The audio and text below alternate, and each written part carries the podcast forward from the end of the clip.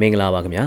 ဖရူဆိုမှာလေကြောင်းတိုက်ခိုက်မှုကြောင့်ဒေသခံတောင်းကျော်ထွက်ပြေး KNY ပြည်နယ်ရဲ့ထူးခြားချက်အမည်ရတဲ့မြမနွေဦးခရိုနီကယ်အောက်တိုဘာ6မြင်တွင်မိုးမခဆောင်းပါးကိုစတင်ဖတ်ကြားပေးပါတော့မယ်။ KNY ပြည်နယ်ဖရူဆိုမြို့နယ်ရှေ့ဘက်ခြမ်းကကျေးရွာတချို့မှာစစ်ကောင်စီကလေကြောင်းတိုက်ခိုက်တာကြောင့်ကျေးရွာ6ရွာကဒေသခံတောင်းကျော်နေအိမ်တွေကနေထွက်ပြေးနေရတယ်လို့ RFA မြန်မာဌာနရဲ့သတင်းနဲ့ဖော်ပြထားတာတွေ့ရပါတယ်။ ကရင်နီပြည်နယ်ကဒေသအများပြားကိုကရင်နီတပ်မတော်လို့ခေါ်ဆိုကြတယ်။ကရင်နီတော်လှန်ရေးလက်နက်ကိုင်အဖွဲ့တွေကထိန်းချုပ်ထားကြပြီးစစ်ကောင်စီတပ်တွေကမြို့တွေတပ်ရင်းခြေစိုက်စခန်းတွေတပ်လေ့ကျင့်ရေးတင်တန်းကျောင်းတွေလိုနေရာတွေမှာအခြေစိုက်ထားပြီးခြေကုပ်ယူထားကြဆဲအနေထားလို့လည်းနားလည်ရပါတယ်။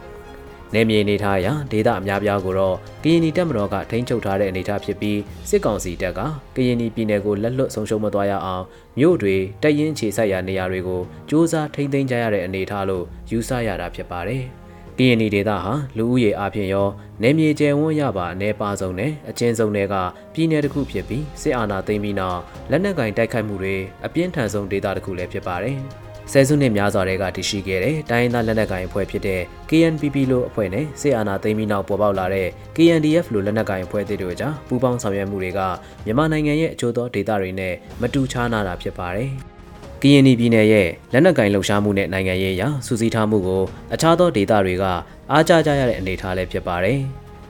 ကရင်ပြည်နယ်ရဲ့စူးစီးမှုအနေအထားကိုလက်နက်ကိုင်အင်အားစုတွေကြားနိုင်ငံရေးအင်အားစုတွေကြားအတူယူအားကြကြတာဖြစ်ပြီးကရင်ပြည်နယ်ရဲ့ထူးခြားချက်ကလူမျိုးစုတစုတည်းစူးစီးနေထိုင်မှုနေရာဒေသအဖြစ်မကျယ်ပြန့်ပဲစူးစီးနေတဲ့အနေအထားတွေဖြစ်တာကြောင့်လဲအခုလိုစစ်ရေးအရာနိုင်ငံရေးအရာစူးစီးဖို့လွယ်ကူစေတာဖြစ်ကောင်းဖြစ်နိုင်ပါတယ်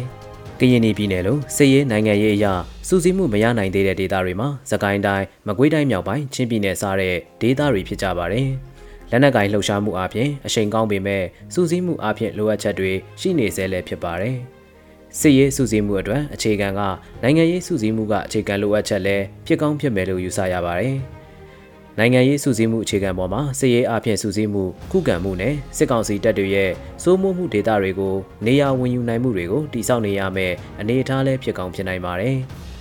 ဒီနေ့ပုံခြားသောသတင်းအကြောင်းအရာတစ်ခုကတော့အော်တိုဘာလ၄ရက်နေ့က KNU တပ်မဟာ6နယ်မြေတဲကဒူပလာယာခရိုင်မှာစစ်ကောင်စီတပ်တွေက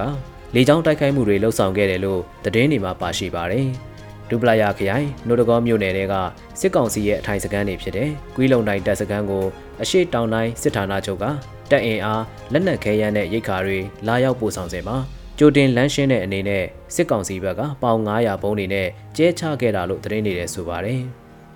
လေကြောင်းတိုက်ခိုက်မှုမှာခရစ်ယာန်ဖျားကျောင်းတကျောင်းကိုပြစ်မှတ်ထားပစ်ခတ်ခဲ့ပြီးလူသိဆုံးမှုတော့မရှိဘူးလို့သတင်းတွေမှာဖော်ပြထားတာဖြစ်ပါတယ်။မကြသေးခင်ရက်ပိုင်းက KNU ဥက္ကဋ္ဌဟောင်းစောမူတူစေဖို့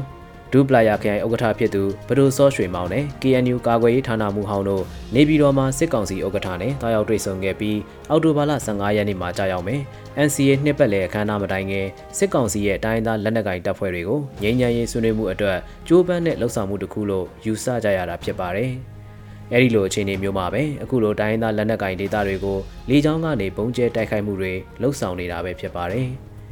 စစ်ကောင်စီရဲ့ရှေးနောက်မညီတဲ့လှုပ်ဆောင်မှုတစ်ခုစစ်ကောင်စီအနေနဲ့စစ်ရေးအရစစ်မျက်နှာများစွာကိုတပြိုင်တည်းဖွင့်ထားရစဉ်မှာအချို့သောတိုင်းသားလက်နက်ကင်တပ်ဖွဲ့တွေကိုစစ်မျက်နှာတွေကနိပရိရဲ့အရာရှော့ချဖို့ကြိုးစားမှုတရက်ဖြစ်တာရှုမြင်နိုင်ခဲ့ပြီးတစ်ဖက်မှာလည်းရိုးသားမှုမရှိတာကိုအခုလိုတိုက်ခိုက်မှုတွေကပေါ်လွင်ထင်ရှားစေတာဖြစ်ပါတယ်ခင်ဗျာ။